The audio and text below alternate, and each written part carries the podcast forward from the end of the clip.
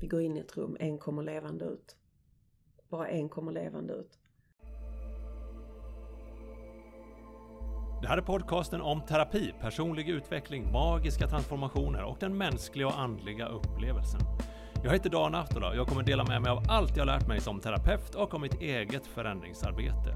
Det är här du träffar banbrytande terapeuter och helare, inspireras av andras framsteg och utmaningar och tar dig steg för steg från illusionen tillbaka till verkligheten.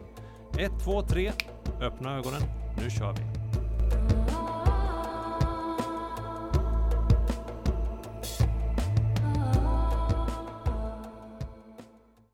Jag var i Malmö igår för att prata om ett par saker som jag tidigare känt är lite skamligt och det är sånt man ska hålla tyst om. Och det första är ekonomi eftersom jag träffade min gamla revisor och eh, avslutade lite affärer.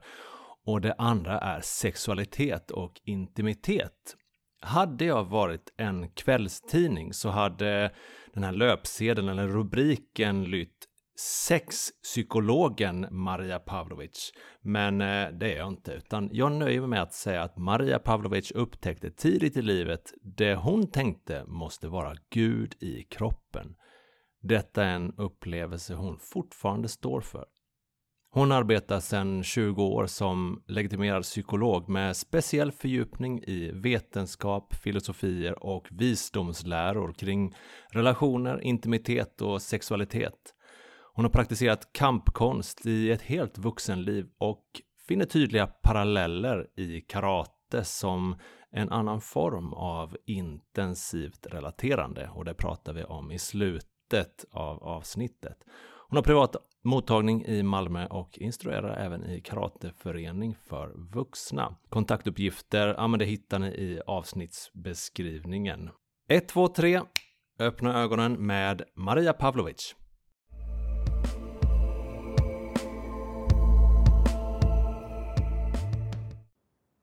Jag skulle bara säga att jag personligen, så här som den här, har eh, kanske underligt lite behov.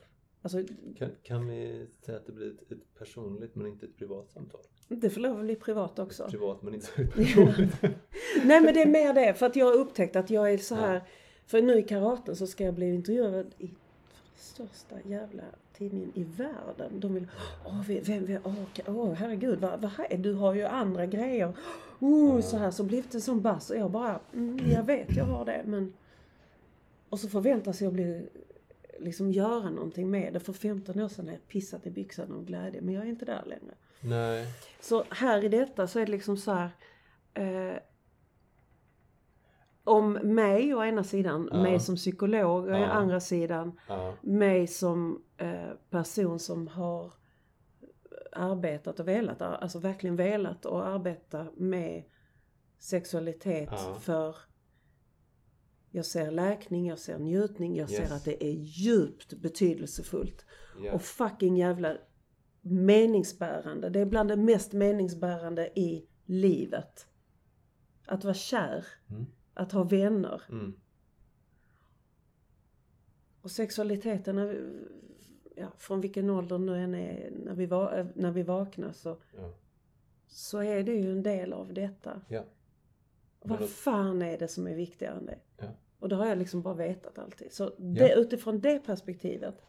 Hur Om, om, låter vi, det om för vi dig? pratar med- alla de tre Mm, eh, personerna eller identiteterna. För att, Skitbra. för att som sagt, man kan ju prata med någon som har jättemycket kunskap Mm, men som bara kan förmedla kunskap ja. men inte kan förmedla energi och Ja. ett, eh, Mm, ett eget tänkande ja. eh, på det viset. anledningen och, och den liksom djupa insikten som har kommit tidigt i livet att det är våra relationer och våra goda relationer och hur vi relaterar som, som skänker den djupaste meningen. Och intensivt relaterande, intensivt gott relaterande blir intensivt gott och då, där kommer sexualiteten in. Mm. Och det faktum att vara kär och kunna göra fantastiska saker med sig själv och andra. Mm. Är du, ska jag fråga dig saker också? För att jag vet när vi pratar. Men för ibland så ställde du frågor som gjorde mig jävligt nyfiken på liksom, varför ställer du den frågan? Men du att det som... är klart, alltså, men, men utan att lämna, lägga för mycket fokus. Mm. För jag vill ju såklart, jag har ju frågor som, som har med mig att göra. Ja, för jag tänkte mer att du ställde frågor utifrån eh, att du är man. Ja. Och vad som förväntas Ja. av en man. Och det var så jävla intressant. För, för vet du vad, jag kom på en sak som vi, ett, en, en, en grej som jag funderat mycket på och som jag vet vi kommer in på eh, är ju om onani och Ja. mäns och kvinnors onani. Att mäns onani, Mm. om vi bara ser på bilden, Mm. så är det, det är taffligt, Ja. det är patetiskt Mm. och lite så här, ja men du vet, ja, då fick du inte ta på något annat. Medan kvinnors onani är det är sexigt och det är liksom det är egenmakt, det, Det är är gudinnan. Ja, ju, gud ja. Oh, Så, Jag är så arg på det. Ja, jag, är så, det, det är så... Det, jag är så arg på det. Jag har två söner. Jag har en son och en dotter. Varför Ja. skulle deras kärlek till sig själv, deras sexualitet till sig själv vara bättre och sämre? Men ändras eh, din egen eh, personliga syn och tänkande eh, på sexualitet och intimitet, ändras det av, av dina patienter, klienter? Mm. Vad kallar du dem? klienter. Ja. Fast så är ju frågan också om jag sitter och uttalar mig liksom som psykolog och sexologiskt. Eh, håller ju på med, med eh, conscious sexuality för att inte säga tantra men det, Yes. det är det också ju. Ja, Eh, och det är fullkomligt kopplat till, det här kommer du känna igen, kamp. Vi går in i ett rum, en kommer levande ut. Bara en kommer levande ut. Vad, det, vad som krävs där och vad man har behövt gå igenom för allting. Vi går in i ett rum, vi kommer inte ut förrän vi har älskat. Ah, ganska likt. Mm. Om det ska bli något bra, om man ska leva. Eller om det ska bli något bra av det. Så, och det är en väldigt intensiv bild att jämföra med. Men det är ju intensivt relaterande och det kan bli eh, det kan bara bli det är så mycket som vi, vi vågar öppna oss för det. Mm. Man brukar väl eh, säga som så att på, i- på ett grundläggande perspektiv att till exempel att ögonkontakt Mm. har antingen att göra med du vet, ska vi slåss eller ska vi älska? Exakt, exakt. Och att det här, men det här att möta blicken och inte bara vad jag ser i dig utan att jag inser att du ser mig också, jag är blottad. Mm. Och att vara medveten om det, liksom att jag gör mig synlig. Ögonkontakt Ja. eh, och kåthet och förförelse. Mm. Vi tror många gånger att förföra, då ska jag få dig att göra någonting. Mm. Jag ska lura in, manipulera eller locka in. Eh, Men det är någonting jag behöver göra och så glömmer jag kanske att att jag behöver bli sedd i min egen lust. Och då är det faktiskt jag som måste göra mig väldigt naken och väldigt öppen. Och att stå ut med att bli sedd i sin lust i förförelse eller i en sexuell akt. Det är fan grejer alltså. Det är, det är intensivt och kräver mycket. Eller så kan man visa sig lite grann och så kan man göra ett litet spel. Och så kan jag kolla av, tycker du om det här? Nej, då ska jag inte göra det. Och så börjar man göra om sig till någonting annat än det man är. För att jag står inte ut med att, att bli sedd. Eller jag är rädd att du inte ska tycka om det du ser. Så det blir liksom en radikal självlojalitet. Att på något sätt uttrycka lust eller känna lust för någon annan Ja. är liksom en hög grad av sårbarhet också. Extremt För hög att det grad. betyder, vill du ha mig eller inte? Ja. Men om jag ska ta det ett steg längre så står jag vid min lust. Jag, oh, jag känner mig superattraherad av dig. Jag har sån lust till dig. Och så har inte du det. Ja, fan också. Men min lust är ändå fullkomligt Mm. magnifik i sig. Sexualitet och intimitet. Jag vet att vi... Jag har svårt att inte säga båda samtidigt. Mm. Ehm, när man pratar om sexualitet då, då går det ju tanken till sex och då blir det lite sådär pirrigt och det blir lite sådär ungefär som man nämner att så här, ska, vi, ska vi ta en ska vi ta en brännvin? Så blir folk lite så fnissiga och, och glada på något vis. Och precis som de har pratat om sex också. Men eh, det, det kanske inte riktigt eh, den nivån ska, eller vi kan hålla den nivån också i och för sig. Eh, när det blir lite sådär, lite fräckt och, eh, och pinsamt och hemligt. Jag skulle komma till någonting. Ja. Kanske någon form av eh, fråga. Det, men när, eh, när vi pratar om sexualitet och intimitet. Det är eh, det du jobbar med allra mest. Det är det jag jobbar med allt mer. Ja. Till min stora glädje. Mm. Det är därför jag började läsa till psykolog. För det, jag vet inte, jag tror inte det fanns någon sexolog. I alla fall inte sexologutbildning jag kände till. Och jag var fullkomligt instyrd på detta. Så jag tänkte hur ska jag, hur ska jag komma åt att få lov att arbeta med detta?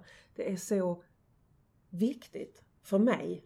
Och då måste det vara viktigt för andra att komma i kontakt med eh, min, min egen sårbarhet och, och, men också mitt eget mod, mitt eget personliga eh, sexuella eh, vad ska jag säga, enkelhet. Min sexuella enkelhet. Att det var, det var väldigt enkelt för mig. Och så när jag förstod att det inte var lika enkelt för alla så fylldes jag av ömhet. och, och så såg jag också att ja, jag kan nog gå ännu längre. Och så vill jag arbeta med det för det är djupt, djupt, djupt meningsfullt, glädjegivande, energigivande, fredligt. Och hur, eh, hur skevt det är. Att det är så tabubelagt. Att det är så svårt att prata om. Men vi kan kalla varandra saker. Vi kan prata skit och sticka knivar i ryggen på varandra. Men vi kan inte berätta att fan du är sjukt het. Mm. Vi behöver inte göra någonting men wow, kolla på dig. Apropå, ja men just tab- tabubelagt. Jag är, jag är ju här i Malmö idag. Mm. ehm, för att syssla med ett, två ganska ömma punkter. Det är ekonomi och, och Wow. sexualitet. Oh. Jag var och träffade min före detta revisor och ska av, Ja. av, avveckla ett eh, gammalt bolag och så vidare. Och har den här, så här jättejobbiga känslan av att jag blottar mig. Eh, Jag kanske har gjort fel. Mm. Ehm, och jag tror att det, man kan ha samma upplevelse också när, när det kommer till intimitet och sexualitet. Ja. Att, eh, att det, är, det är lite skamligt att typ ha problem med det. Japp. Precis som att det är problem med ekonomin. Ja. Eller jag har inte tillräckligt med pengar. Mm. Jämfört med jag har inte tillräckligt med sex ungefär. Ja, ja. Ehm, men, men att det, det måste finnas någon form av så här, gemensam bas i det. Ja men jag tänker ju att det här handlar om överlevnad. Pengar är ju idag eh, motsvarigheten till eh, grotta och mat. Det är ju bara, det är bara en transformation, vi har pengar till det. Så eh, har du inte pengar så är du faktiskt, kanske du inte kan överleva. Och kan du inte ha sex så kan du inte förmera dig. Så att det är ju det är supergrundläggande. Och det är också inte konstigt varför vi har så mycket skam och sårbarhet kring de två områdena. Ska jag existera? Är jag livsduglig? Har jag, har jag rätt att eh, föröka mig och har jag rätt att söka glädje? Så det är så, det är så tydligt. Jag menar, tittar man på chakrasystemet bara precis som en, en modell över energier i den mänskliga kroppen och systemet så, så är det ju baschakrat och sexualchakrat. Det är så mycket eh, skam där och så mycket rädsla. Att inte bli inkluderad, att inte bli vald, att inte ens få leva. Det kanske inte är någon eh, slump att det att det pratas mycket med att det finns till exempel coacher som jobbar med typ pengar och sex Ja, eller sexualitet. ja, Som att det är samma energi. ja. Och samtidigt så, är, i och med att det är så, så mycket skam och så mycket sårbarhet, mycket sorg och rädsla i de områdena, så är det också rätt så mycket mörker där. Eh, Jag ska hjälpa dig att tjäna pengar. Du ska bara ge mig 10 000 så ska jag berätta för dig hur du ska tjäna tre. Komma, jag ska, jag ska massera upp eh, din yoni här med den här magiska staven som jag har eh, i början av mina ben. Mm. Eller motsvarande. Så att där är, det är verkligen så här en sankmark. Där är mycket, där är många, det är mycket kvicksand man kan falla ner i. Och det är därför också det är så himla fint när man går sig själv till mötes. När man avskammar sig själv, när man börjar inse att min sexualitet är min gåva och min skatt oavsett om någon vill ha den. Men klart det är trevligt om jag kan få dela den med någon, för de flesta. Men att vi själva beslutar oss för att tycka om vår sexualitet. Det är vi som ska själv ha den och man behöver inte se ut på något sätt eller ha en viss ålder eller en viss status. Utan det, det här är min sexualitet. Jag har en jättefin, jag har en jättefin liten historia. Den handlar om mig själv. När jag var liten, alltså riktigt liten, så eh, upptäckte jag min sexualitet. Jag blev, den kom online väldigt, väldigt tidigt för mig. Och jag, eh, eftersom jag var ett barn och oskyldig så, så hittade jag en speciell punkt på min kropp som var fantastisk att röra. Så jag hade någon form av, av vacker onani som bara... Och så var jag också intresserad av eh, kyrka. Jag drogs dit, jag vet inte varför. Och så pratade prästen om Gud, kärlek och förlåtelse och det gick in i mig djupt. Och jag drog slutsatsen att det där jag känner mellan mina ben, det måste ju vara Gud. Så jag kallade det för Gud i kroppen. Och jag tror jag var fyra. Och jag vet idag att jag hade rätt. Och jag önskar så, alltså det kom in så tidigt av fantastiska eh, omständigheter. Men det är egentligen där hela mitt avstamp började. För att det var så, det var så tydligt för mig, jag visste det. Mm. Så det var ett litet barns oskyldiga, vackra, djupa slutsats. Det är Gud i kroppen. Mm. Vilket säkert överensstämmer med, eh, med flera andra äldre kulturer också. Ja, säkert. Och det överensstämmer med med högst modern och kantig västerländsk forskning idag om vad är det som gör oss lyckliga? Kvaliteten på vårt liv, kvaliteten på våra relationer och relationen till oss själva i vår helhet. I, i eh, buddhismen att ja, du kan inte undvika lidandet but the purpose of life is being happy. Och det att, att vara kär, att vara upphetsad, att vara kåt, att att ha intimitet, eh, att kaddla, att få en orgasm, att ge en orgasm, att njuta tillsammans, förhöja eh, varandet. Ja, det är ju väldigt meningsfullt. Mm. Men när man är ensam då? Man har sin egen sexualitet. Och det är den som är så, den är så här lite man tror ju många gånger att ja, om man, om man är ensam så får man väl, ja då får man väl onanera då. Som ett sämre alternativ. Och så glömmer man helt och hållet, ja men jag har ju sex med mig själv, jag älskar med mig själv. Och jag kan jag kan ju njuta av det hur mycket som helst. Det behöver inte vara det sämre alternativet. Det är ett alternativ. Ett annat alternativ. Att ha, ha sex på. Men det är väl, inte sämre. För de allra, allra flesta så är det den första sexuella kontakten. Ja. Um, och vad lär man sig då som ungdom om sexualitet där? Att det är någonting som ska gömmas undan. Ja. Det ska ske under täcket och det ska liksom vara snabbt överstökat. Vi pratar inte om det. Mm. Vilket är en slags övning då ja. inför när man börjar ha sex med andra. Ja. Och, och, det, och då måste det på något sätt överföras i och med att det är inte någonting som är du vet, praktiskt, eller vad ska jag säga, eh, teoretiskt och logiskt. Nej. Utan kroppen vet ju då hur du ska ja. um, vara sexuell med, med någon. Ja. Men Eh, jag menar när man börjar, eh, när man börjar onanera, när man börjar känna pirren och saker som händer i kroppen så så är det ju primärt liksom en nyfikenhet och en öppenhet. Åh, känns det här? Och, Oj, vad var detta? Och, och jag stryker mig med fingrarna här längs revbenen. Wow! Och så är man fullt nöjd och helt uppslukad av de sensationerna och det som händer i den stunden.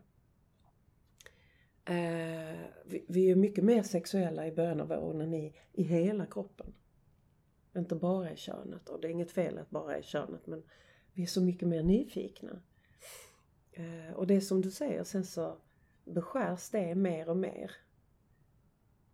Till att skammen gör att jag, jag kan inte kanske riktigt, eller många av oss känner så mycket skam av onani så vi, vi slutar vara nyfikna. Och så går vi rakt på könet och sen så gör vi det och sen så var det jätteskönt och sen så ah, låtsas vi som det regnar. Men att det var mer så här, det är som en stress... Eh, Ja, att, att ta ner stressen lite ja, grann. ja. Eh, och det känns ju inte särskilt, jag vet inte, vackert. Nej, det är inte, det är inte omsorgsfull, eh, det är inte omsorgsfull sex. Det är inte en omsorgsfull kärleksstund man har med sig själv i det läget. Så att eh, hela tiden det här att se det, det sinnliga, det, se Gud i kroppen om man så vill. Eh, Att, att även om man har tappat bort det på vägen så kan man ju faktiskt återfå det. Men man behöver liksom göra upp med sig själv och, och säga men jag gillar ju den delen av mig själv jättemycket och det, det är nice att, att, att jag kan göra det här. Tänk att jag kan göra det här. Bara i mig själv, att det bara finns. Eh, Att inse att jag kan också ha Gud i kroppen och jag behöver inte vet, göra någonting speciellt. Mm. Behöver inte vara något speciellt. Jag behöver inte eh, uppfylla något slags krav eller ha medlemskap i en kyrka. precis, precis. Utan det är, alla har det. Och ibland kan man dela det med någon annan men den är där hela tiden. Mm. Eh, och det är inte heller konstigt eh, när vi tappar kontakten, när libido sänks, att vi, att vi går ner i mående. Att det är en stor viktig källa till njutning, glädje och meningsfullhet. Och meningsfull samvaro med sig själv och andra. Eh, att man tappar kontakten med ett meningsfullt tillstånd och förmåga. Det är inte konstigt att vi blir nedstämda. En anledning till att jag vill, ehm, alltså vill prata med dig om det här, eller överhuvudtaget prata mer om sexuell energi, är ju just vad det innebär hela tiden när man inte har sex Ja, med, med sig själv eller med någon annan. ja, Och vad jag upptäckte, liksom den här så fantastiska eh, hungern Mm. för livet. ja. Att vara mycket roligare det är att, att leva när man går omkring och är lite småkåt på livet Ja, ungefär. ja, Ehm, ja. Att, att, att ha kvar det och se att ja, men det är inte någonting som är ett eh, avgränsat område. Nej, nej. Och att det, det tror jag också därför som, som det kan ha kopplat till eh, pengar och, och eh, ekonomi. Mm. Att liksom man ser möjligheter och vill mer saker och, och, och har ett annat slags driv. Mm, mm. Ungefär som att, ja, nej men det är inte bara så att jag har driv och eh, en energi som riktas till min fru och bara till min fru. Utan det är så här, varsågod världen, här har du. Yes, precis. För att det är ju, det är ju faktiskt så att eh, vår lust, vår kåthet, kan ju inte riktigt styras på det sättet. Det är lite som en kran. Den är, öppnar den så, så flödar det och stänger du den så, så, så stryps det. Och, och skulle jag säga, "Ja, men jag ser bara min man och ingen annan. Ja men då har man strypt sin lust. Och då blir många människor rädda och tänker, ja men herregud om jag slår på kranen kommer jag ligga med alla. Mm. Det kommer ett slagfält av eh, liggna kroppar runt omkring mig. Så är det ju inte. Vi, vi kan ju ändå, vi kan låta den finnas där utan att agera på den. Och också att det kanske inte bara... Att man inte bara tänker på det som just sexualakt med andra Exakt. personer utan så här, "Men jag ska dela med mig av det här till mitt företag nu. Ja. Eller till, vad, vad, vad gör folk? Tränar?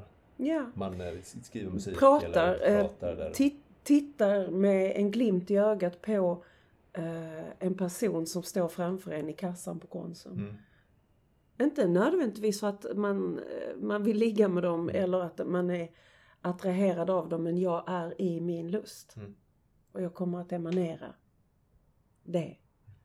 Uh, så att jag tänker att, att släppa på sin sexualitet, sin lust uh, innebär inte att jag blir uh, urskillningslös i vad jag gör eller att jag börjar talla på folk.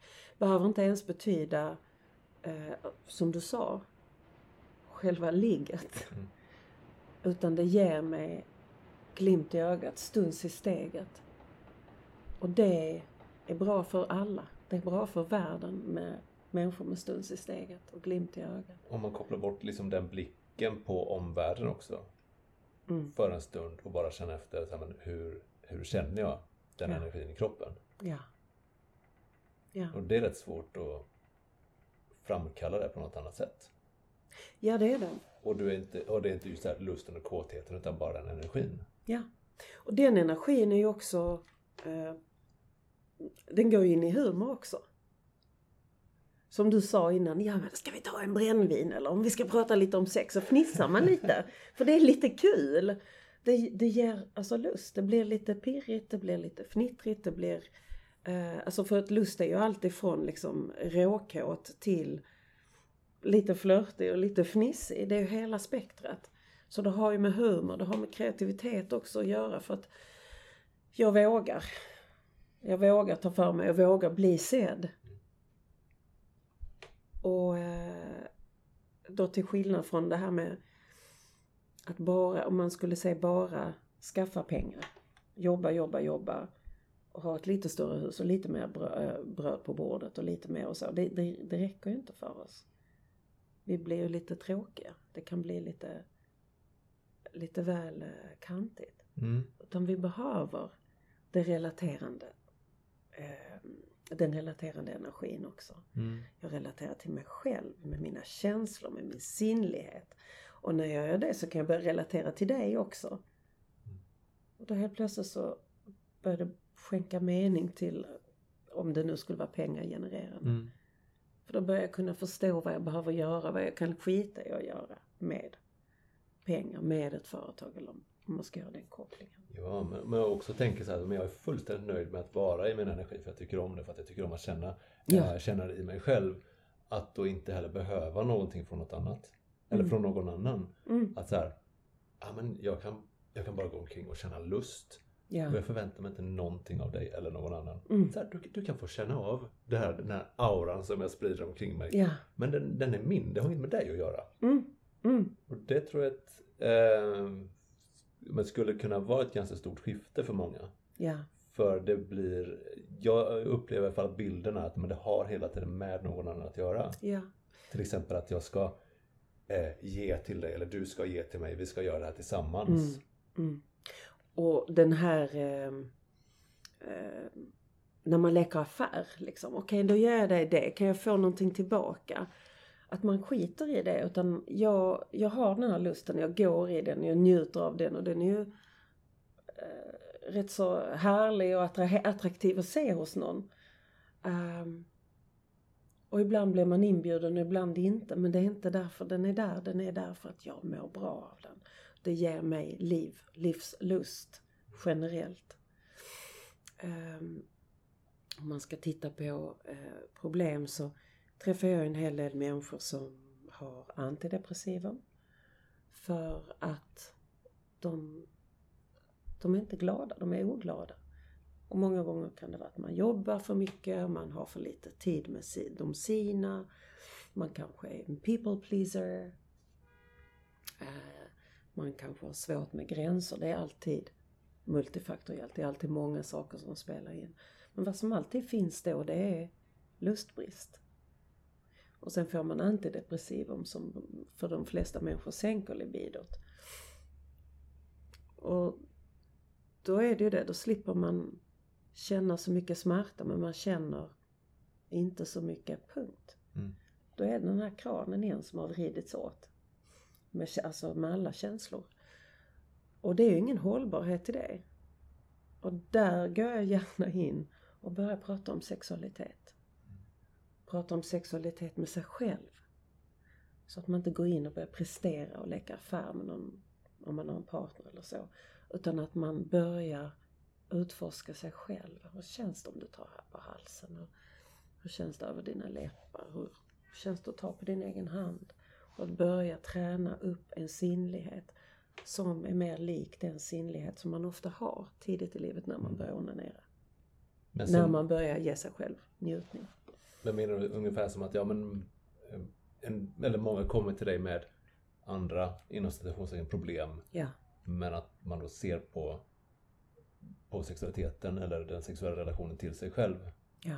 det. För Som, jag, som ett supereffektiv, alltså det är en supereffektiv startpunkt också. Eller en av flera startpunkter och det är det är ofta man inte pratar om det. Det är ofta man kommer till, till behandlare som inte pratar om det. Till läkare som inte pratar om sexualiteten. man brukar säga att ja, de första tecknen på att någonting inte, att man inte är i balans är att ja, men du sover sämre och du har ingen lust. Ja, precis. Fast det där med lust, det pratar vi inte med. Men vi kan ge dig lite sömn, insomningstabletter. Mm. Jag kommer eh, egentligen det andra perspektivet att en, en del kommer till mig med problem i sexualiteten. Ja. Men då ser vi på andra saker som inte funkar. Ja. Till exempel att eh, jag menar, prestationsångest. Att ja, men jag kan inte prestera. Och det Mm. har det ju varit mest, mest manliga klienter. Eh, nej men jag blir inte hård. Mm. Eh, Okej, vad, vad, vad, vad, är, eh, liksom, vad, vad betyder det? Men oftast Ja. någon form av prestation. Eller osäkerhet. Ja. Hon vill ha någonting av mig. Ja. Och vad blir man då? Men då blir man typ ett litet barn. Mm, precis. Och det, man vill inte vara ett litet barn i den situationen. För att man vill vara vet, stor, stark och manlig och en, Ja. som en provider, lejonhanne och så vidare. Eh, men att nej, men egentligen vill man bara fly därifrån för det känns jobbigt när någon kräver något. Eller, eller så här, man, vill bara fly. Ja. Och det är ett jättebra sätt att fly för då slipper jag den här situationen. Ja. Och sen är det ju någon intressant, det är så många intressanta saker här. När jag brukar faktiskt ställa, när jag pratar om sexualitet så brukar jag fråga om, jaha okej så du, du kan inte få erektion eh, när du ska ha sex med någon annan men kan du få erektion när du onanerar? Så jag, jag brukar fråga om människors onanivanor. Liksom, kan, du, kan du älska med dig själv? Eh, män och kvinnor reagerar så olika. Mm. Eh, män skäms jättemycket mer. Mm. Medan kvinnor kan känna mer sorg men de har värdighet medan mannen inte riktigt kan ha det. Och där behöver jag som kvinnlig terapeut verkligen sitta och visa på alla sätt hur jag respekterar den onanerande mannen. Mm. Som, eh, som fullt ut värdesexuell varelse, sexuell, vacker handling. Eh, Eftersom männens runkande är eh, börjar med någonstans med runkbulle och sen bara förlöjligas det. Hur fan ska man kunna ha en Alltså vilken, mot, vilken motvind och vilken uppförsbacke. Mm. Att ha en, en djup, härlig, eh, kåt, respektingivande, vuxen relation till sitt eget kön och sitt eget runkande. När hela världen står och skrattar åt och förlöjligar det. Samtidigt som man säger ja men det är någonting helt naturligt och alla Mm. gör det och det är jättebra att utforska sin egen kropp. Mm. Fast du gör ju fel när du gör Ja. det också. För att du är Fast du är också fånig. Ja, så här, du, du, du kan inte få någon ungefär. Mm. Jag Mm. skulle vilja ha en revolution för den runkande mannen. Ja. Och bortom alla, alla Louis CK som, som står och runkar utan samtycke. Utan bara så här, men det är jättevackert. Mm. Det är vacker, vacker, vacker handling.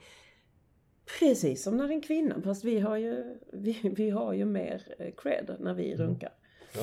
oss själva. Ja, men det är ju gudinnan. Det är gudinnan som ligger där Mm. och, och det är... Gudinnan och narren. Ja men precis och det, det ställer till det för båda. Mm. Det ställer till det för båda. Eh, Kvinnor kan bli väldigt precious och kanske lite, alltså i sitt. Alltså om man kör på det. Åh, det, det, åh, det är så vackert och sådär. Men då, då blir det kanske inte så jävla kåtigt eller så. Att det kan också vara något lustfyllt och roligt. Och kanske inte så jävla gudinaktigt alltid men det är Nej. helt fine ändå. Jag får bilden av att typ, den kvinnliga ona- onanin är verkligen någonting mer inåtriktat. Medan Ja. den, då, den, den manliga lusten är mer utåtriktad mot ett, ett objekt. Ja, Och där man också ser det, det där eh, när, man, när det kommer till problem som till exempel eh, impotens eller bristande, ja, eh, bristande lust. Att, Mm. Ja men var, vart riktar du din lust då? Ja, Är du kåt på dig själv? Nej, Ja. jag, är, jag är bara kåt på den här Ja. saken som, som jag håller i min andra hand. exakt. Eh, att man placerar liksom ansvaret för att väcka lusten. Det är någonting externt. Ja, Nej, jag blir inte kåt av mig själv. mm. För att man glömmer att, eh, du vet, att fantasin är en av de liksom mest kraftfulla Mm. eh, verktygen du har för att Ja. göra någonting alls. Inte bara när det kommer till sexualitet, utan Mm. Eh, jag vill göra någonting, ja men tänk på det först. ja, ja, För då, då ger du liksom en någon slags kommando inåt att det här jag vill göra. ja, Mm, Men att man då, eh, då använder eh, pornografi till exempel. Ser man väl dels att man får en högre vad heter det, tolerans mm. och att man, man, man kräver mer och mer och mer för att, för att eh, få upp sin lust.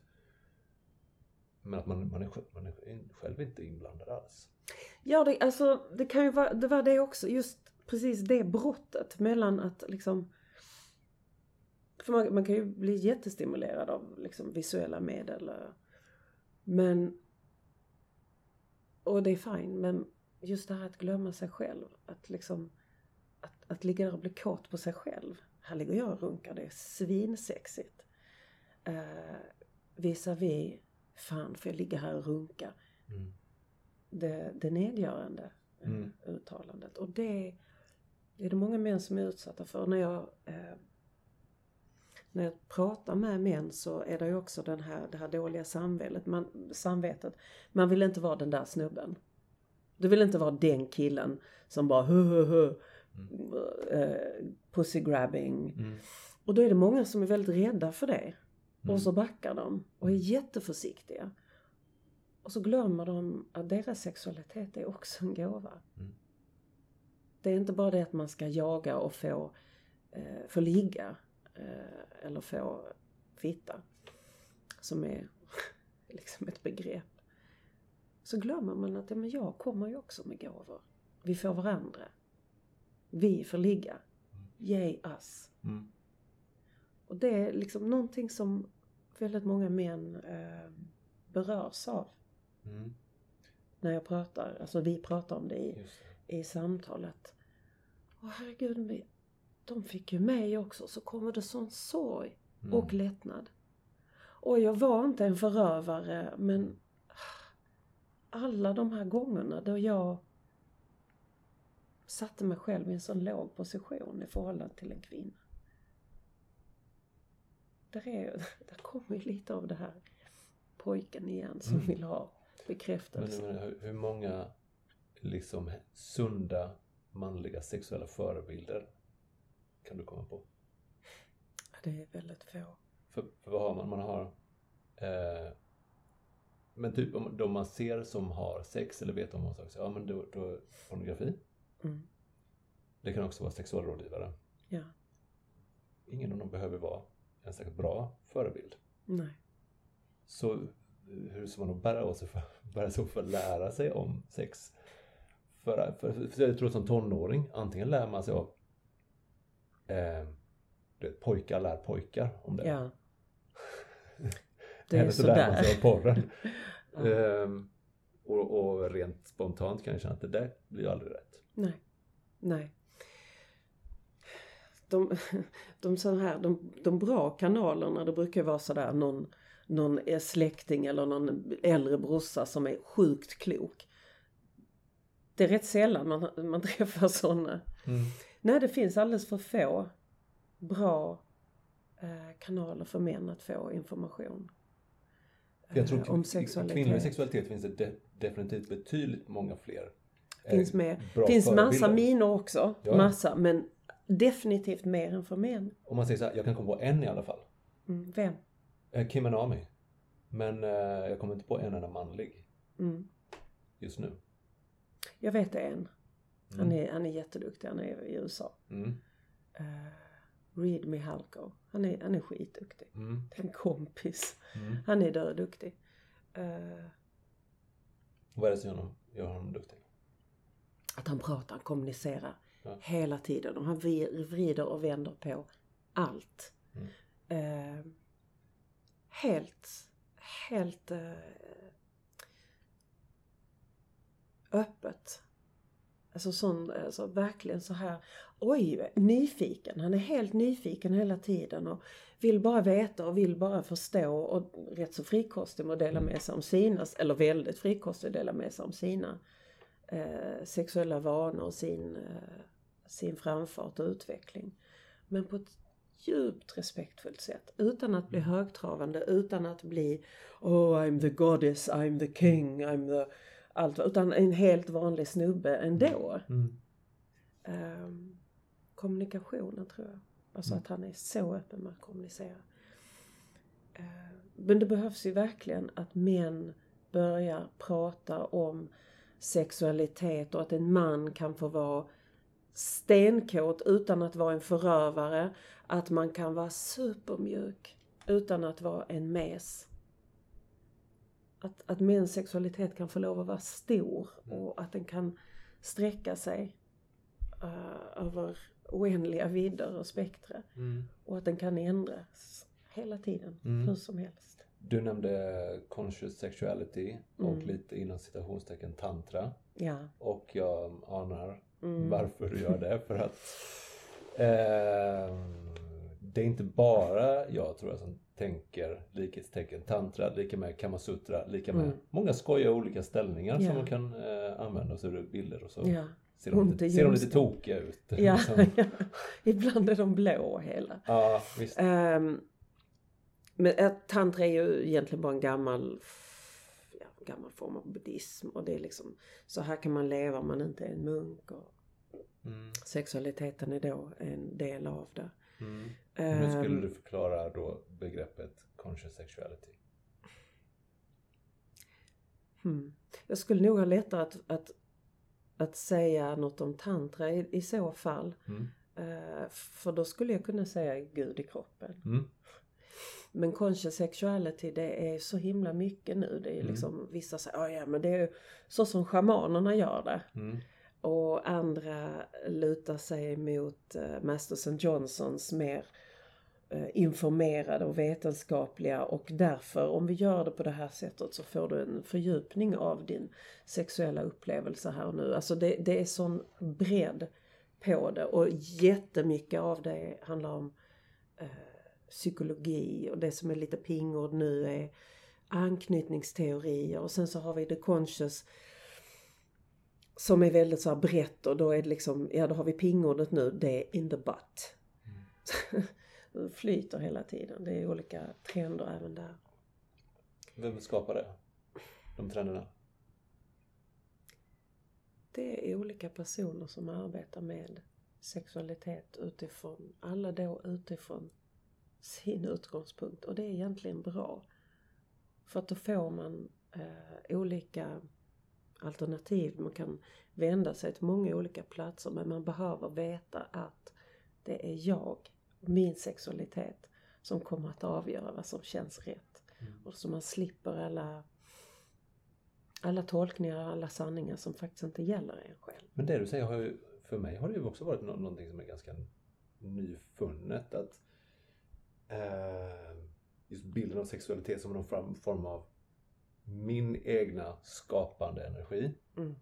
Men som tidigare varit det här, det, det, det pirriga liggandet. Mm. Ehm, och jag vet inte. Det, vi kanske behöver ha liksom båda bilderna.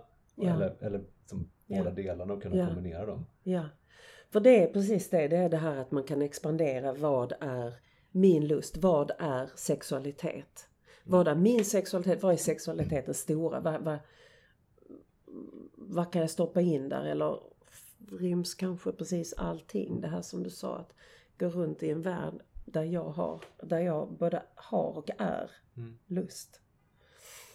Eh, kommer att förändra. Och då är det alltifrån något litet pirrigt, litet snabbligg någonstans och så här. Till jag känner alltet strömma genom mig. Mm. Eh, Allt är kärlek. Och att det är hela spektret. Mm.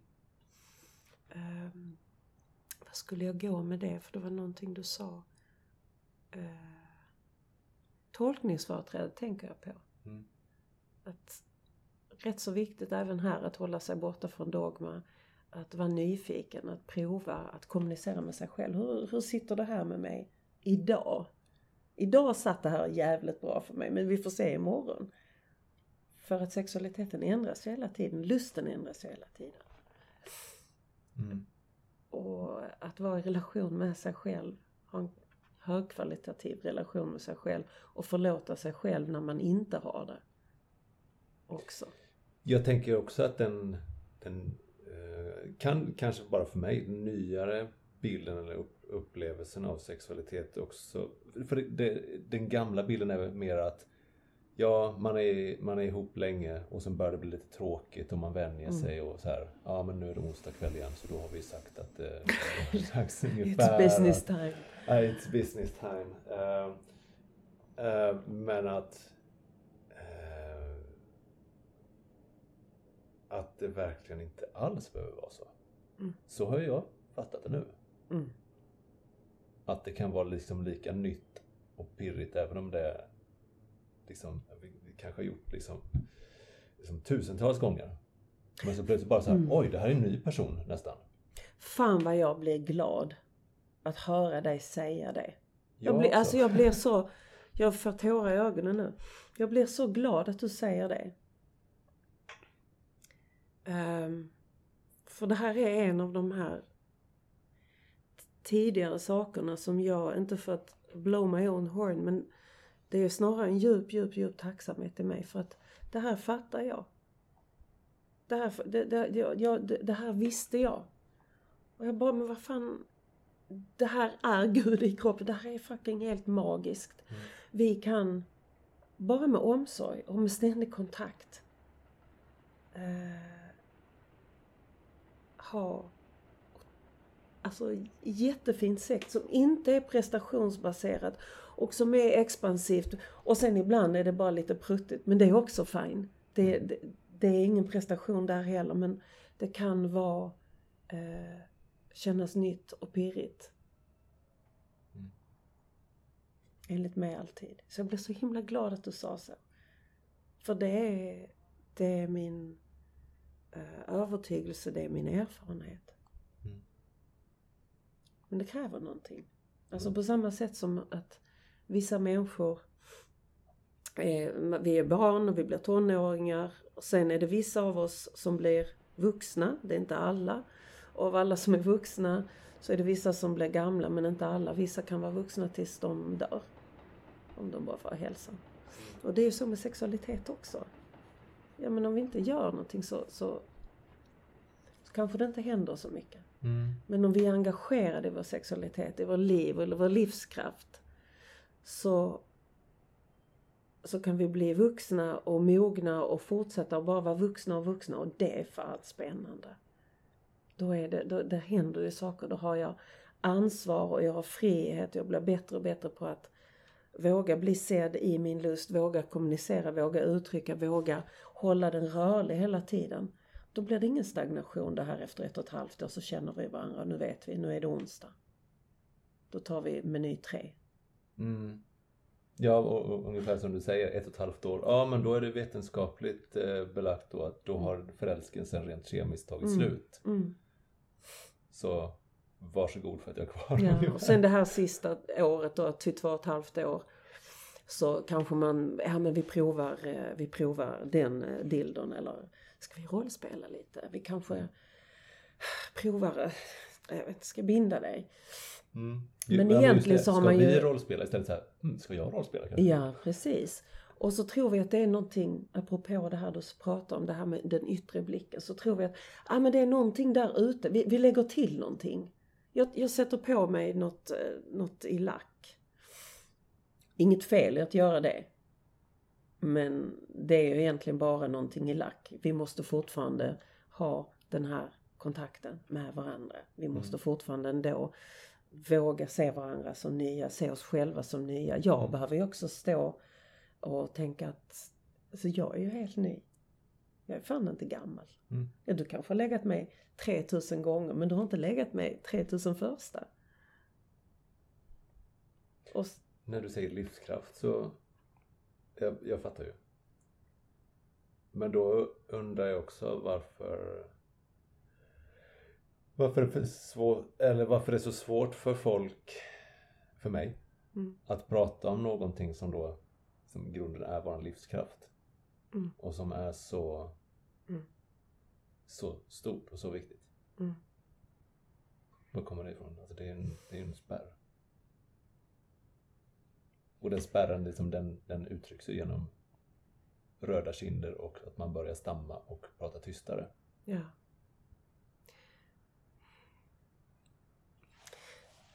Vi, vi är ju, vi, alltså det är ju det här, om vi ska tänka igen vad, vad det handlar om rent grundmässigt. Eh, är jag önsk, alltså kommer, är jag önskbar? Kan jag få en relation? Kan jag bli mött i det här? Och hur vi många gånger eh, glömmer steg ett. Kan jag möta mig själv i det här? Kan jag tycka jag är värdefull? Att om vi snabbt ger bort det. Om inte du tycker det, då är inte jag det.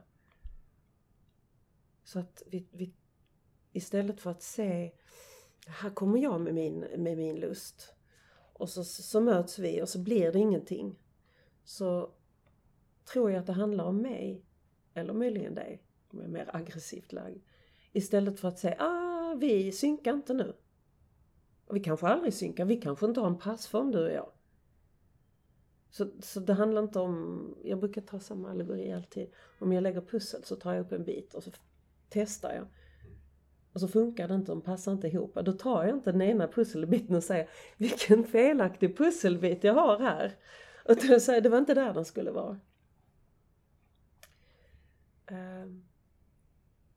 Och att och det, det är en lite grov bild men, men ändå att, att börja säga ah, okej det här synkar inte. Eller vi passar inte.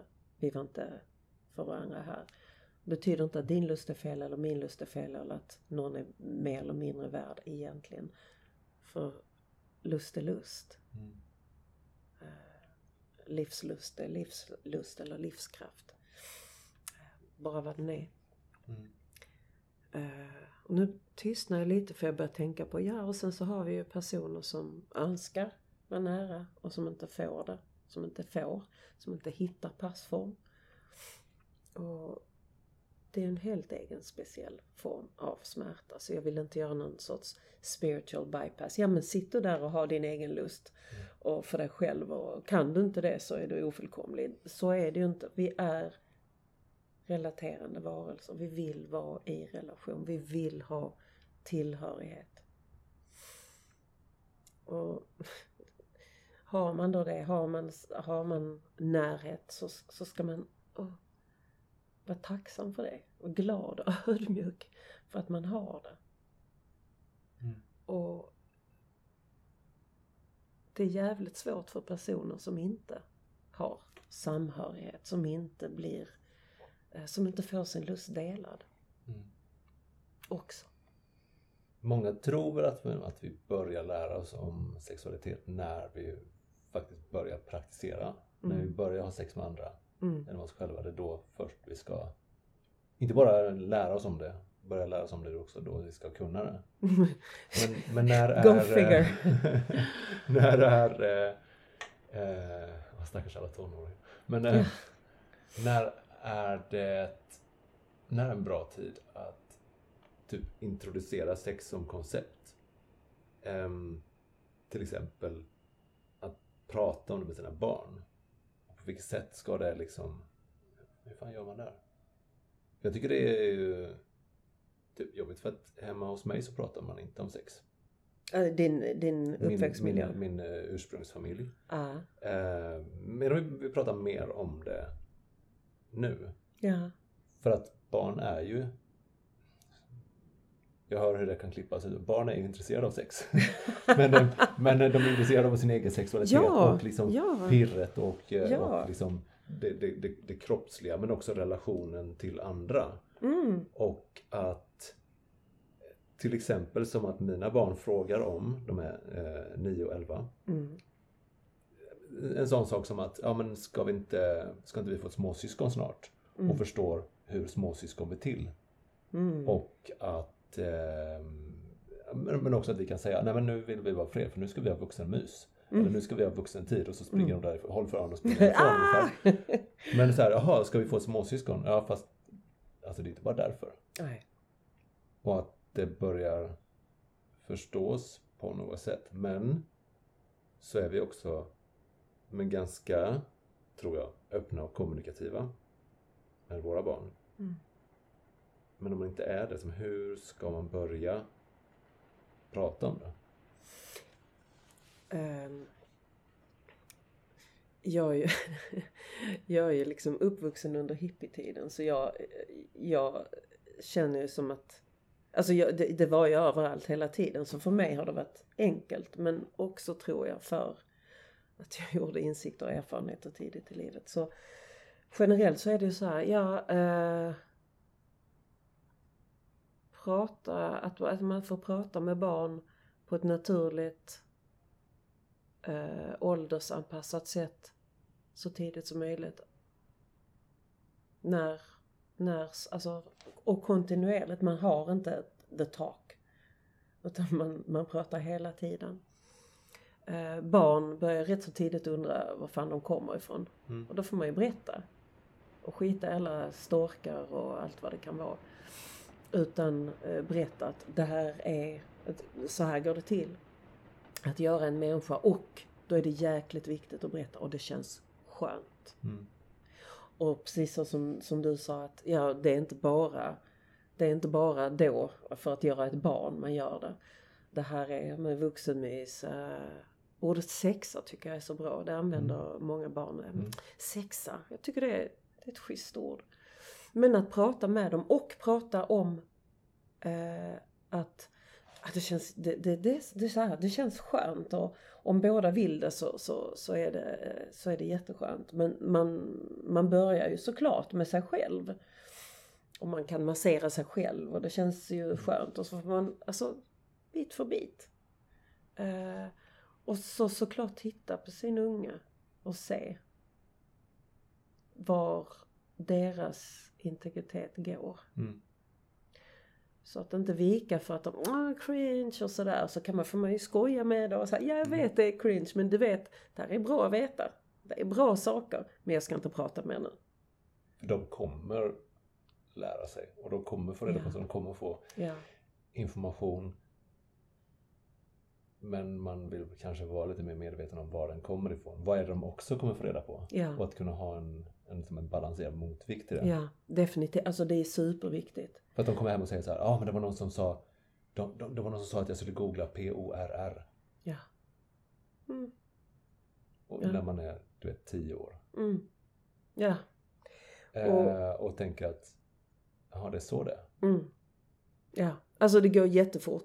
Eh, jag började, jag, jag har en, vad kan det vara, 40 centimeter bokhylla med böcker som är, som jag har handplockat, som är bra för barn, tonåringar. Mm. Och våra söner som snart blir 13 och i sommar 15, de vet var den, de 40 centimeterna böcker står. Och så har jag sagt, och de, de är ju lite de är trötta på mig. Eh, ah, mamma, vi vet. Så, men det är där, ni kommer och, och säga, ni kommer att träffa på porr. Eh, ni kommer att få höra saker om vad sex är och vad det inte är. Och de, de kommer vara rätt så, det kommer vara rätt så dålig information. Så jag kör det ganska sakligt nu när de är lite större. Det kommer vara rätt så dålig information. Det är så här, folk fattar inte grejer. Eh, Så det är bättre att gå dit där och kolla där. Där har jag samlat lite bra grejer till er som ni kan kolla i. Eh, om ni undrar någonting och så kan ni alltid komma till mig. Nej det vill vi inte. Okej men kolla i böckerna. Mm. Så att de har ett litet referensbibliotek hemma. Eh, och så har jag sagt jag kommer aldrig, jag tittar aldrig i den delen av bokhyllan. Jag vet aldrig om alla böcker är det eller inte. Och det är faktiskt helt sant. Det Mm. gör jag inte. Men jag tänker liksom att vi som föräldrar eh, vi ska bara vara eh, uppfinningsrika, respektfulla. Respektfull innebär inte att man hoppas att de löser det själv. Respektfulla handlar inte heller om att tuta in i öronen vad vi tänker är rätt. Mm. Utan att säga hjälpsamma saker som har att göra med att din sexualitet är eh, enorm resurs och den är superviktig. Den är en, en, en stor skatt för dig primärt. Och du, bara, du kan själv gå den till mötes och det är fint.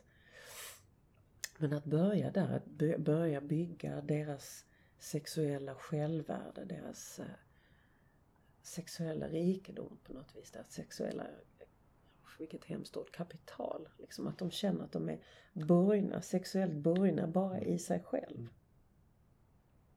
Och att oavsett om det är eh, killar, tjejer eller andra så har vi det i oss. Och även asexuella har ju sin asexuella integritet. Så att det är liksom så här Mm. att, att börja lära känna vad är det för mig idag. Imorgon kanske det är något annat. Men att hela tiden stå i, i kontakt med sin sexualitet. Vi var inne lite på det förut. Men vill ändå återvända till det. Vad händer när, när det inte funkar? Alltså med, med oss, med, med vår självbild och... Mm. Alltså det, det, det blir liksom så här dubbelt. Dels så går vi ner i, i mående. Vi blir jättestor källa alltså till glädje. Speciellt för oss vuxna. Jättestor källa till glädje, till avslappning. Till den här stegringen och ah, lättnaden efteråt. Rent fysiskt och emotionellt försvinner. Dessutom får vi inte prata om det. Så det är en dubbel bestraffning. Eh, det är, det är svårt att prata det, om det med vänner, speciellt för män. Kvinnor tror jag vi har lite lättare att, att säga det. Beroende på vilka kompisar vi har. Män kan ju, alltså hur många män vet du som kan säga det, "Äh, fan får inte upp den alltså. Bara rakt av. Alltså de som säger det betalar med pengar för att lösa det problemet. Exakt, men, precis. men eh, eh, nej, inga vänner som jag vet om. Jag är Nej. säker på att det, det sker väl säkert någonstans. Ja men det är klart. Nej men jag pratar nästan aldrig om sexualitet med, med mina vänner. Nej. Det har, för att det har inte heller, jag har inte vuxit upp med att göra det. det blir, men då blir det också lite sådär Jag tänkte vi skulle prata, men för att det blir ett nytt sätt att, att Fan vad relatera till varandra. spännande Dan. Vad hade hänt?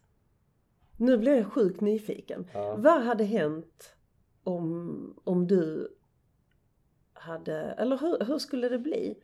Om du skulle prata, gå till någon av dina närmaste vänner som du vet, en sån här riktig blodsbroder Mm. och säga du vad fan, alltså hur, hur, eh, det här med sex alltså, vad, vad fan, jag känner att jag har fastnat lite, vad brukar du göra? Mm. Typ. Jag tänker mig att de första sekunderna är jobbiga. Mm, När den andra personen tänker, ska jag svara på det här? mm, Ska jag byta ämne? mm, Ska jag skämta bort det? mm, Eller ska vi bara börja prata? ja. Och sen så när den spärren väl släpper Mm. så flyttar vi upp på. Tror jag. Men jag vet inte. Jag har, jag vill säga, jag vill säga en, en vän som pratar om, men alltså som det handlar mer om eh, relationen mm, i, i den månen att ja, men vi har inte sex med varandra. mm, Jag vill, hon vill inte. mm, Hon vill vara gift, jag också, mm, men på olika villkor. mm, Men, och det märker jag att det är Men det finns någonting i det som binder oss samman också. För att du vet, han öppnar någonting, han visar någonting och berättar om någonting som är så du vet, skamligt och, mm, och så. För att, för att man kan ju få lätt, lätt få den bilden av jag duger inte. Ja. Alltså inte ens den människa som står mig allra närmast vill ha mig. Mm. Skulle det kunna tolkas som så? Absolut, absolut. Och sen är det det här liksom att äh, pojkar Mm. som sen växer upp till män generellt eh, får ta massa nej. Nej, nej, nej, nej, nej. Och, och eh, får liksom bara ta och hacka i sig det. Nej, jag vill inte. Och då, då gör man ju inte för man är... Man vill inte bryta ett samtycke. Eh, men det är vi, vi kvinnor, om, om jag bara tänker nu på straighta relationer. Vi kvinnor är inte alls speciellt duktiga på att ta ett nej från en man. Sjukt kränkande. Och eh, det kan bli liksom lite mer så att du säger nej, är det något fel på dig? Mm. Så att det, det ligger en himla stor last på män. Och en, en, en eh, som jag inte helt och hållet vet varför det blir så att eh, mäns kön skojas med. Eh, generellt om vi går från liksom våldsverkar eh, vinkeln. Utan snälla män, goda män.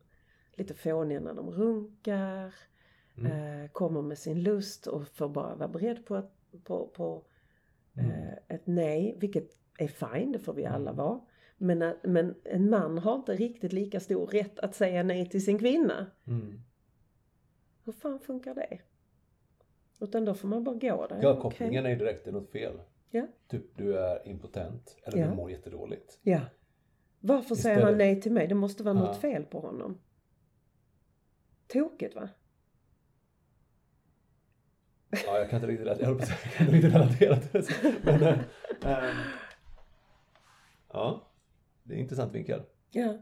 Men att det är på något vis att män, män ska alltid vara där och ställa upp. Ja, ja. Inte bara få erektion utan också vilja det. Riddaren. Ja. Lansen. Ja.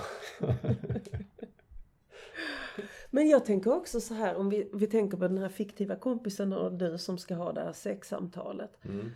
Eh, tänk om man skulle ta det ett steg längre. Att det inte är liksom du, är någonting funkar inte eller vi har inte sex eller äh vad fan. Du, har du hört om det här hjälpmedlet? Utan man faktiskt skulle ta så här, du, vad är sex för dig? Mm. Vad betyder sex för dig? Mm. Tänk vilket samtal att lyssna på. Mm. Flugan på väggen att lyssna på män som har det samtalet. Mm. Vad betyder sex för dig? Det menar, jag anar inte hur mycket som pågår där bakom. Så här, vad vill han? Varför frågar han det? Ja. Sen, vad, vad är baktanken? Istället Ja. för att jag vill bara lära mig om det här. Ja, och jag vill prata med en annan person. Mm. I min, som, som också är en man. Men återigen det här med just förebilder. Hur... Eh, när man börjar ha sex, hur, pra- hur, hur pratas det? Det var med så här skvallertermer. Mm, Den och den gjorde det. mm. Men inte varför. Inte varför. Eller eh, vad... hur var det? Eller Ja. vad fick de ut av det? Ja. Var det fint? Ja, Hur fick kändes ni se det? på. Ja. Men det är ju... det- Så återigen till, till eh, hur man pratar om barn liksom. Och det är liksom, ja vad är det för dig? Och, och, och även också berätta, det kan vara det här, det kan vara det här. Och berätta om eh, känslor, berätta om kontakten till sig själv. Eh, berätta om att man kan när de är lite äldre liksom att, att det är inget fult att ligga runt. Man kan ligga runt helhjärtat. Åh, det är så fantastiskt! Tänk att precis vi hade ett engångsligg, yes! Och, och, och, och sen behöver det inte vara något mer än det. Också en sån här grej att, att, ehm, att om man bara vill ligga med varandra så har man fula intentioner. Mm. Det behöver inte det kan vara hur, hur nice som helst ju. Bara vilja ligga lite. Med varandra och sen gå vidare. Att det kan vara fantastiska möten. Nu i, eh, med, med, med Tinder och alla snabba möten som kan möjliggöras där. Att möter jag både kvinnor och män liksom som, ah, det är lite så pinsamt liksom. Ja, nej men så bara träffades vi, så bara låg vi och så tittade de över. Som om att jag ska döma och jag bara, Mm.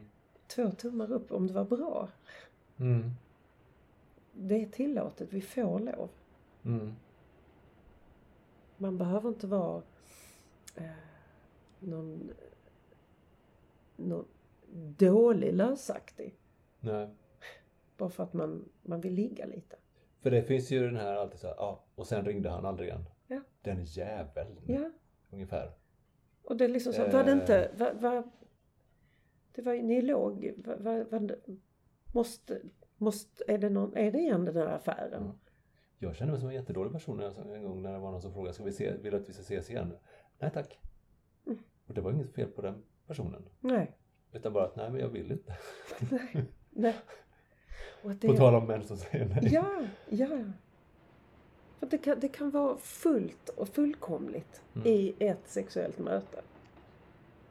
Och, och jag skulle också vilja att vi skulle kunna ära Mm. engångsligg.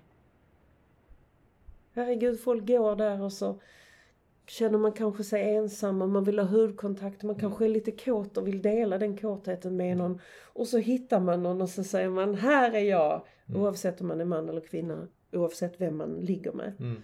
Så, så kommer man här med sin kåthet och sin längtan. Och, men Mm. man också erbjuder någonting och här möts vi. Mm. Det är ju fullkomligt. Men tänk att det är så jävla konstigt egentligen att man behöver hjälp av terapeut. Ja. Men det är ju inte, då, då det antyder att det, då är det inte fel på personen utan då är det fel på, på Normerna. samhället, samtalet, kulturen eller vad man nu ska säga. Och normerna. Eh, vi lever ju faktiskt inte så att vi behöver bevaka eh, någons sexualitet eller att eh, sexualiteten är någon sorts handelsvara eller något, en investering i ett framtida äktenskap där vi ska slå ihop våra jordar och få ett större bruk. Alltså det är ju inte det. Mm. Vi är på något sätt... eh, Ibland tänker man när man tittar på så här eh, samlarjägarsamhällen så är vi på ett sätt lite tillbaka där att vi kan välja varandra, vi kan ha sex med varandra. Vi behöver inte längre dela, många av oss i alla fall. Vi behöver inte ligga med varandra och tänka på den ekonomiska framtiden tillsammans. Mm. Utan vi kan välja att göra det för att det är fint. Det är skönt. Mm. Det ger mig glädje. Det lockar min nyfikenhet just nu. Mm. Mer. Men, men det är en hel del skam att beta sig igenom först. Och en hel del normer som behöver eh, spräckas. Mm. Men du sa att det har liksom varit ett intresse hela livet. För mig, ja. Ja. Mm. Och att nej men just nu som du säger, mer och mer så är det det som du jobbar med. Mm. Eh, det är absolut det jag mer och mer jobbar med. Jag har... Jag vet inte hur det har gått till. Eh, men, men definitivt mer och mer och mer och mer direkt. Att det inte kommer som Mm. Eh, en konsekvens av att jag är utmattad och har en lustproblematik. Utan att folk faktiskt kommer med sexualiteten som ämne. Det är det här jag vill arbeta med. Mm. Och då är det absolut inte bara är, är det erektil dysfunktion utan alla möjliga eh, frågor som har med sexualitet att göra. Mm. Eh, många gånger också det här, alltså man kommer till en kärna av att man får arbeta med synen på sin egen lust. Värdet i sin egen lust. Eh, otroligt vackra ögonblick i terapirummet. När en människa bara så ah, kommer och jag ser att någonting har ändrats. Mm. Och då är det den här kontakten med att eh, jag har min livslust och här kommer jag. Det syns direkt. När man kan börja stå vid dess sida. Det är ju ett energiskifte, Fullständigt. Fullständigt. vilket gör dig till magiker. Du, det är jag! Jag är inte en gudinna, jag är inte en onanerande gudinna. Jag är en helt vanlig mottagningsmagiker. Ja men alltså det är väl just vad, om man ser på arketypen magiker så är det just att ja, men det har förmågan att omvandla en energi till en annan. Ja, alkemi. Mm. Mm. Mm. Ja. Så sex alkemister liksom. Oh my god. Ja, det hade jag gärna satt på mitt visitkort. Ja, vem kommer stoppa dig? Det, Socialstyrelsen. ja, förmodligen. Ja, Mm. då får jag säga upp eh, legitimationen. Ålder är viktig också. Mm. Jag, eh, jag har en viss ålder. Mm. A certain age. Eh, det är svårare för kvinnor att ha en, en ålder än män. Mm. Eh, enligt pissnormerna Mm. som vi har. Eh, och det är också någon sån här grej. Det det är också en sån här liten trend nu. Det är många kvinnor i min ålder. Det pratas om klimakterie Mm. och, och där är några pionjärer där ute som eh, går i bräschen. Som blir rätt så jävla hårt ansatta. Mm. eh, och sjukt skammade. För vem, vem tror du att du är? Ta Vad, på vad säger dig. man då? Eh, ta på dig grandma. Ja. Eh, I tantravärlden Mm. så kommer det en aldrig sinande ström av 20-25-åringar under från tjejer eh, som bär sexualiteten. Sen någonstans vid 30-35 så finns det ett litet osynligt eh, fallrep för Mm. kvinnor. Ehm, och då ska man gå in i det, den arketypen som kallas crone, the, the wise woman. Men då är man lite så här en, knot, en knotfingrad häxa som sitter och det är inte kanske bara det man vill vara. Och jag det- tänker också det är att det, man ser på det är inte jättesexigt. Och, och sen är det ju det här igen liksom. För till slut så, alltså, har man tur så får man bli gammal le- eller leva länge. Ehm, oavsett om, vilket, vilket kön man anser sig tillhöra. Och det har ju inte ett jävla dugg heller med livskraften. Eller sensualitet. Eller Mm. sexualitet. Mm. Så om jag, det är min prognos nu, det kommer komma en stor våg om några år där detta lyfts och pratas om Mm. mer. Ehm, och det är viktigt, det är lika viktigt som med, med, med att se att barn och tonåringar ska få lov att ha en frisk sexualitet. Så ska man inte behöva dra på sig gubbe och tantrocken Mm. vid, en viss, eh, vid ett visst klockslag Mm. och sen vara beige resten av livet. Mm. Sen är det roligt också hur en viss typ av demens Mm. eh, påverkar hjärnan. Den frontallobsdemens, den, den kommer framifrån och så Mm. den påverkar hämningarna. Så gamla människor som drabbas av den kan ju få en jäkla skjuts på libidot. Mm. För att hämningarna försvinner lite. Och det kan ju vara en del eh, besvärliga, för, för i alla fall för, för boendena, beteenden. Men gnistan i ögonen är där. Mm. Och kan man plocka bort alla, ja, alltså, ska ju inte begå några samtyckesbrott eller så, men kan man bara plocka bort det så, så är den rätt så fin att se. Den Mm. där glimten. Vilket är, visar ju tydligt hur mycket vi hämmar oss Mm. i onödan.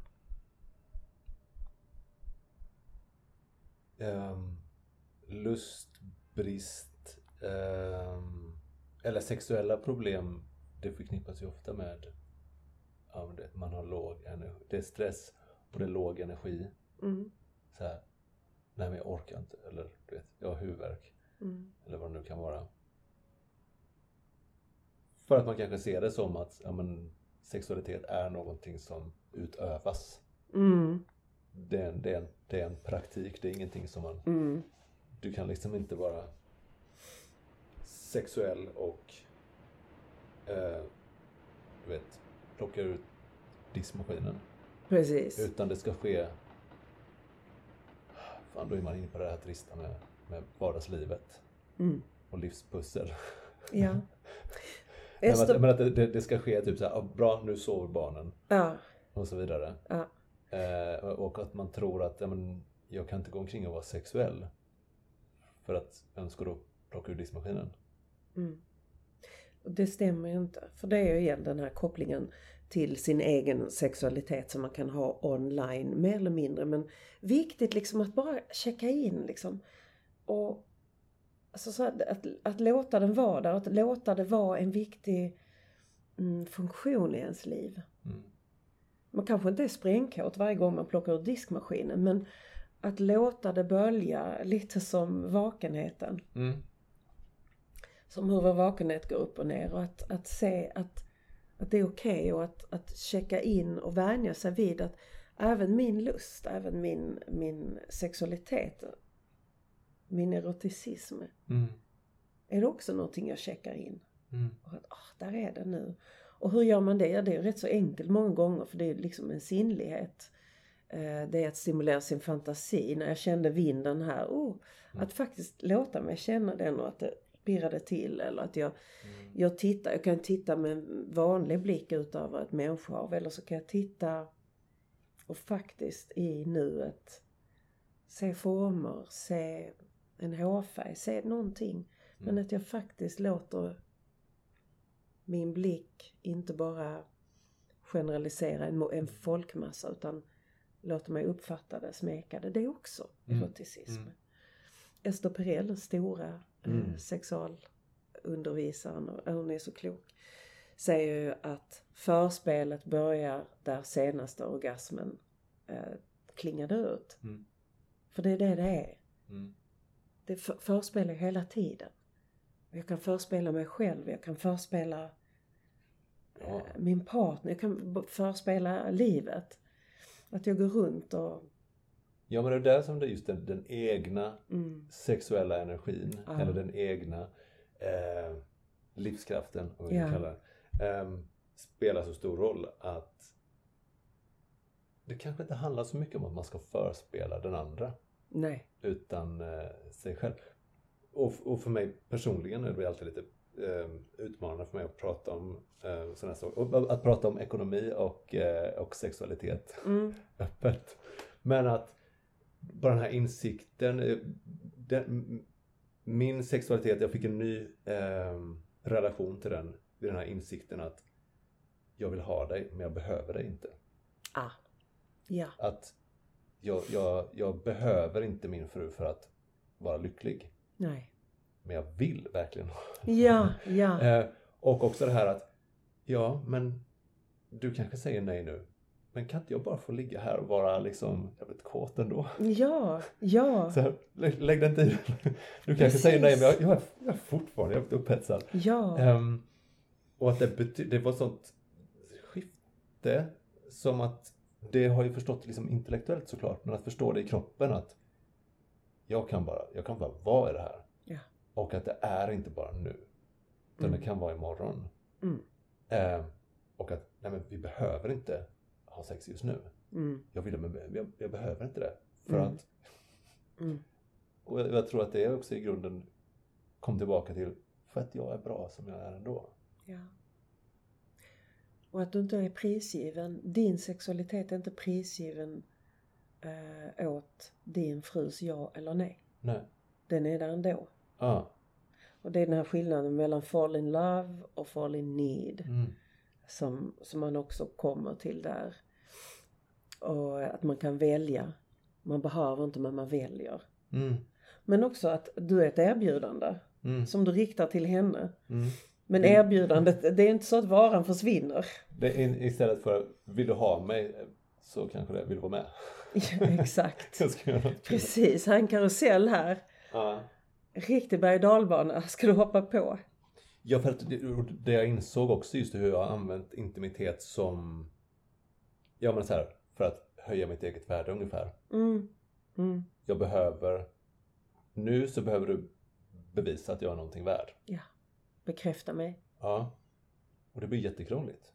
Alltid i, alla situationer när man förväntar sig att någon annan ska ge en någonting. Att eh, någon annan ska eh, ge dig värde. Eller att om du tror att ja, men, lycka är någonting som kommer utifrån. ja. Jag har en, eh, jag minns inte exakt vem som var men ett, ett citat var den största mentala sjukdomen i samhället att tro att lycka kommer utifrån. Ja, ja. Ja men man ger, man ger ju bort man ger ju bort något så otroligt viktigt. Mm. Alltså som är så här essentiellt. Då, man ger ju bort sin livskraft, man ger sig bort sitt... Mm. Är jag, ska jag ens leva? Mm. Ska jag, får jag finnas? Mm. Eh, har jag ett värde?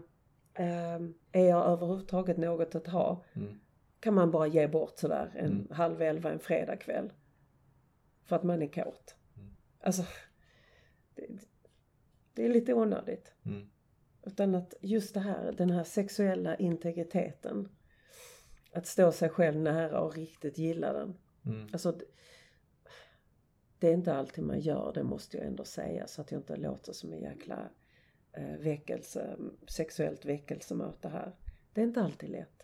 Det finns massor med, med saker som kan hindra flödet men att i alla fall veta att vi alla har en sexuell integritet. Att vi har vi har en rätt att, eller en möjlighet och en rätt att tycka om vår egen sexualitet. Mm. Att den, den, den får lov att vara där. Den är viktig för oss. Den är inte oviktig. Ever. Mm. Det är inte den som vi ska pressa in när vi har tömt diskmaskinen och svarat på de här fyra mejlen. Det är inte... En sak som, är, som jag tänker är viktig är... Okej, Okej, jag ska börja så här. Man säger om meditation. Eh, meditera en timme per dag, utom om du är stressad, för då ska du meditera två timmar. Och det är lite så med lusten och sexualiteten också. Eh, och vi behöver få rätt prioritering. För att vi har ett visst, vi har ett visst mått sån här högoktanig livskraft och vitalitet Mm. rent vetenskapligt. Liksom. Vi, vi orkar ju inte hur mycket som helst, vi är naturresurser. Mm. Eh, det är väldigt, väldigt bra att försöka bära med sig i bakgrunden att jag ska spara lite energi så att jag kan sexa. Så att jag orkar vara erotisk. Så att jag, så att jag har utrymme för min lust. Det är jätte, jätteviktigt för att många av oss vi bränner ju allting på jobb, på eh, livspusslet. Och så glömmer vi att en sjukt viktig del och en närings och energigivande del av livspusslet är lusten. Mm. Det är som att lägga undan en bit energi Ja. och investera den Ja. för att få mer tillbaka. Ja, precis. Precis. Istället för att säga det, den kraft jag har över den kommer jag lägga där. Så jag lägger min, min, min, min minsta, de så smulorna som kanske är lite tuggade på redan, de lägger jag där. Mm. Eh, på, på lusten. Och det, det är inte så det funkar. Lusten ligger mycket mer basalt. Mm. Det är som någonting vi bygger resten på. Det måste vara i... Eh, eller rättare sagt måste. Det är en viktig del för att vi ska funka. Det är en viktig del för att vi ska kunna vara kreativa. Det är en viktig del för att vi ska kunna vara trevliga människor att överhuvudtaget vara och vara med. Mm. Jag höll på att säga, ja men vi kanske tar och börja det här samtalet för jag ser att nu är vi redan uppe på en och en halv timme. Dan, Mm. du har ju slagits en del i dina dagar. Mm. Jag vill, jag vill prata lite om det. Ja.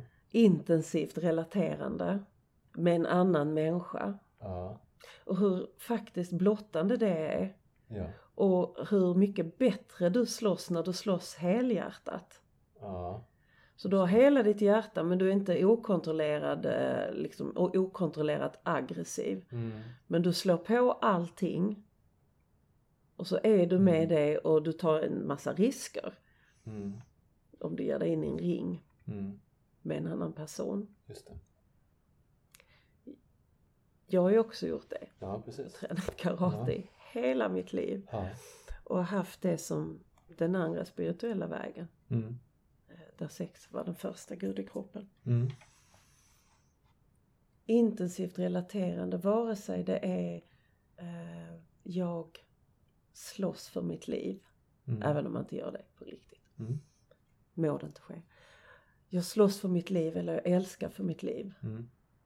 så finns det en möjlighet att verkligen komma sig själv nära, att lära känna sig själv, Mm. stå upp för sig själv. Mm. Och ju mer vi kan göra det, desto bättre blir det. Skulle du hålla med om det? När du har varit uppe i ringen och Mm. slagits inför alla. Att även att, att du har fått kontakt med en väldigt naken version av dig. Alltså det första jag kommer att tänka på är att man verkligen får kontakt med till exempel rädslor Mm. och att om du inte är närvarande Ah, då blir det inte särskilt bra. nej. Vilket många med då till exempel problem i intimitet eh, säkert skriver under på också. Ja. Att om du är någon annanstans, om du inte är i din kropp, Mm. då är inte kroppen med dig heller. Mm. Ehm, om man ser, vi har ju två, två delar av mitt fightande. Det är Mm. wrestlingbiten som är underhållningsvåld Ja. och sen då med, med kampsport som är mer, ja men också underhållningsvåld fast med mycket mindre publik. Ja. Eh, mer för mig själv ungefär. Eh, om man ser på wrestlingbiten, Ja. helt och hållet närvaro och tillit. Ja. Jag lägger min kropp i dina händer. Ja. Skada, typ, ha inte ihjäl mig ungefär. Ja. Man tänker att ja men det är uppgjort, det är teater och så vidare. Ja men om du fuckar upp så kan det gå riktigt illa. Ja. Då har man potential att slå ihjäl sig. Ja. Åtminstone skada sig. Så det handlar väldigt mycket om tillit och respekt för varandras kroppar. Mm. Ta hand om mig så tar jag hand om dig. Mm. Eh, vilket skulle kunna vara just en koppling. Ja. Och är det också någon form av lust i det? Det är också lite kul. Lite märg, är lite blod. Ja. Ja. Sjukt kul Herregud. också. Men tänk också på att vara så nära en annan människa. Ja. Gnida sin kropp mot någon. liksom. Ja. Och alla tittar på. Ah. Nej men att eh, Alltså Det är ju kul att slåss med någon. Det- För det är väldigt kul att mäta sina krafter. Mm. Och det är också viktigt att på något sätt också känna in att ja, men du är starkare än jag. Om Mm. du då pratar om eh, det mer idrottsliga Mm. kampsporten. Mm. Att det på no- i någon mån ett maktspel. Mm. För det är ju faktiskt ett, att, att, att tävla Mm. är ju en rituell dödskamp. Ja. Ja. Det vill säga, vi behöver inte döda varandra. Vi bara visar att jag är bättre. Mm. Ungefär så som På just många, det här, just idag. ja. Men Men som många djur gör också. Men de går inte fullt ut. Det är bara så här, att, ja men okej, du är överlägsen. Ja. Eller så här, ja men du, du kunde, du vet, spärra upp dig och bli större än jag. Så att jag tror att kampen, du är liksom, är Ja. du som får para dig. Ja. Men det du sa med tilliten där. Ja, Respekt för varandra och tillit. ja, Och sen det lustfyllda, helhjärtade, ja. intensivt relaterande mellan människor. Mm. Inte speciellt olikt sex egentligen. Nej, verkligen. Så himla, så himla likt. Ja men, ja, men, och, ja, men den närvaron, oerhört fysiskt. Mm. Samtidigt som det finns en medvetenhet, vad är det som pågår? Mm. Och ja, men, vart är vi på väg? Ja. Och jag lägger, jag lägger min kropp i dina händer. Mm. Jag ger mig till dig. Ja. Typ, nu hoppar jag med huvudet före. Gör så att, snälla gör så att jag inte landar på, landar på det. Ungefär sådär. Ja, Så sexar jag väldigt sällan. så, ja det, det gör Men- man ju men inte. att- Men risktagandet, tilliten, Man kan- respekten. Vi sen- följer vissa Ja, regler. ja, visst är det så. Men sen är det också så att eh, om man ska se på wrestlingbiten, att när vi går därifrån, då är vi i en annan verklighet. Mm. Precis som man i sin sexualitet sällan tar med sig den, det sexuella uttrycket. Att man pratar likadant, att man Mm. rör sig likadant, att man, att man är i den energin, är man sällan annars också. Precis som att det Mm. vore jättekonstigt om jag hade Mm. min wrestlingkaraktär i, i verkliga livet. Mm. För att det skulle inte passa. Nej. Man gör inte samma sak på ICA som man gör i sänghalmen. Tänk om man skulle prata likadant med kassörskan på Ica. Det var jättekonstigt. Det varit jättekonstigt. Det hade nog inte varit... Kanske inte samma ord men på samma sätt. Liksom. Mm, precis. Men men energin kan ju finnas med ändå och potentialen finns ändå med liksom. Mm. Och den kan ligga där och bubbla i bakgrunden och roa Mm. en själv. Det är nära livet och nära döden Ja. samtidigt. Ja. Eh, jag använder eh, sömlöst Eh, allegorier mellan sexualitet och kamp. Mm. Eh, både i sex. Jag slåss inte när jag sexar, absolut inte. Jag är ingen våldsam. Mm. Eh, Jag dömer inte så. Vi- nej, nej, det hade inte jag heller gjort. Men jag, jag ville bara deklarera mig Ja. lite av någon anledning. Eh, och på samma sätt så, så förstår jag väldigt, väldigt mycket mer om kamp. Mm. När jag ser på det som ett intensivt relaterande. Mm. Så att inte kamp blir brutaliserad. Mm. Ehm, och eh, utan att det, det, det behöver ge någonting. Jag, jag kan många gånger hitta rätt i hur jag rör kroppen när jag karate. Mm. I hur jag ser på andra, hur jag undervisar. Mm. Så om jag tänker mig att det är en annan typ av mer erotiskt relaterande, då kommer det att låta jättekonstigt möjligen. Mm. Men så kan jag hitta rätt. Ja men tryck från mer med benet där eller sträck på det. Eller Mm. jag kan se varför kryper den här personen ihop? Vad handlar det om? Och, och jag, jag, jag, kan, jag har kommit jävligt mycket längre i karate. Mm. För att jag har vågat se eh, likheten mellan sex och kamp. Mm. Och faktiskt på samma sätt eh, kamp i sex. Du pratar om så här dominans och, Mm. och vad det är och vad det inte är. Men du pratar ju också om respekt. Det är ju Mm. inte bara dominans och uh, brutalisering utan det är, eh, det är också, är du med på detta? Vill du vara med på detta? Och det är ju allt annat än det toxiska pussy grabbing. Mm. För det är ju, det är ju, det är ju övervåld men att leka med styrkeförhållanden eh, mer dominant, mer eh, undergiven eh, utan att någon är mindre värd, utan att någon är en slav, utan att någon är eh, despot. Mm. Utan att det här är, är, vi kan tryggt för att vi respekterar och litar på varandra. Nu börjar jag förstå vad du menar med just eh, in, intensivt. Vad sa du? Intensivt Relaterande, tror jag ja, sa, ja. Intensivt relaterande. Ja, För att det verkligen är i relation till varandra. Ser vad har vi för position eller vad är vi i för, för relation till varandra. ja, Som skulle kunna vara till exempel vill vi ha varandra? ja, Eller vem är starkast? ja, Eller liksom att det berättar om liksom hur, hur behandlar du någon annan när du är i dominans? Ja. Hur ger du upp? ja. Ja, Och just de, de två sista det kan ju handla verkligen om både om kamp eller sex. precis. Men att det är då såklart gå tillbaka till grunden i sig själv. Mm. Att, som du nämner, varför är en person till exempel mer ihopsjunken? Vad, vad finns det där som håller tillbaka? Mm. Såklart rädsla. Mm. Och kanske ibland att man, man, man tänker att bara för jag är svagare så är jag mindre värd. Mm. Det är inte sant. Mm. Det är inte en korrekt koppling. Mm. Utan att, och att man, man, kan, man kan se, och nu kommer vi in, det är så stort det här området. Mm. Eh, eh, att om någon är starkare, om, om, om, om du går in och så vinner du över någon för Mm. du är snabbare och slår hårdare, sparkar hårdare. Mm. Så är du bättre? Nej. Du slog och sparkade hårdare. Och du var bättre på de reglerna Ja. idag men du är inte bättre eller mer värd. Mm. Och den behöver man ju liksom särskilja i kamp. Mm. Eh, och det behöver man göra i sexualitet också. Mm.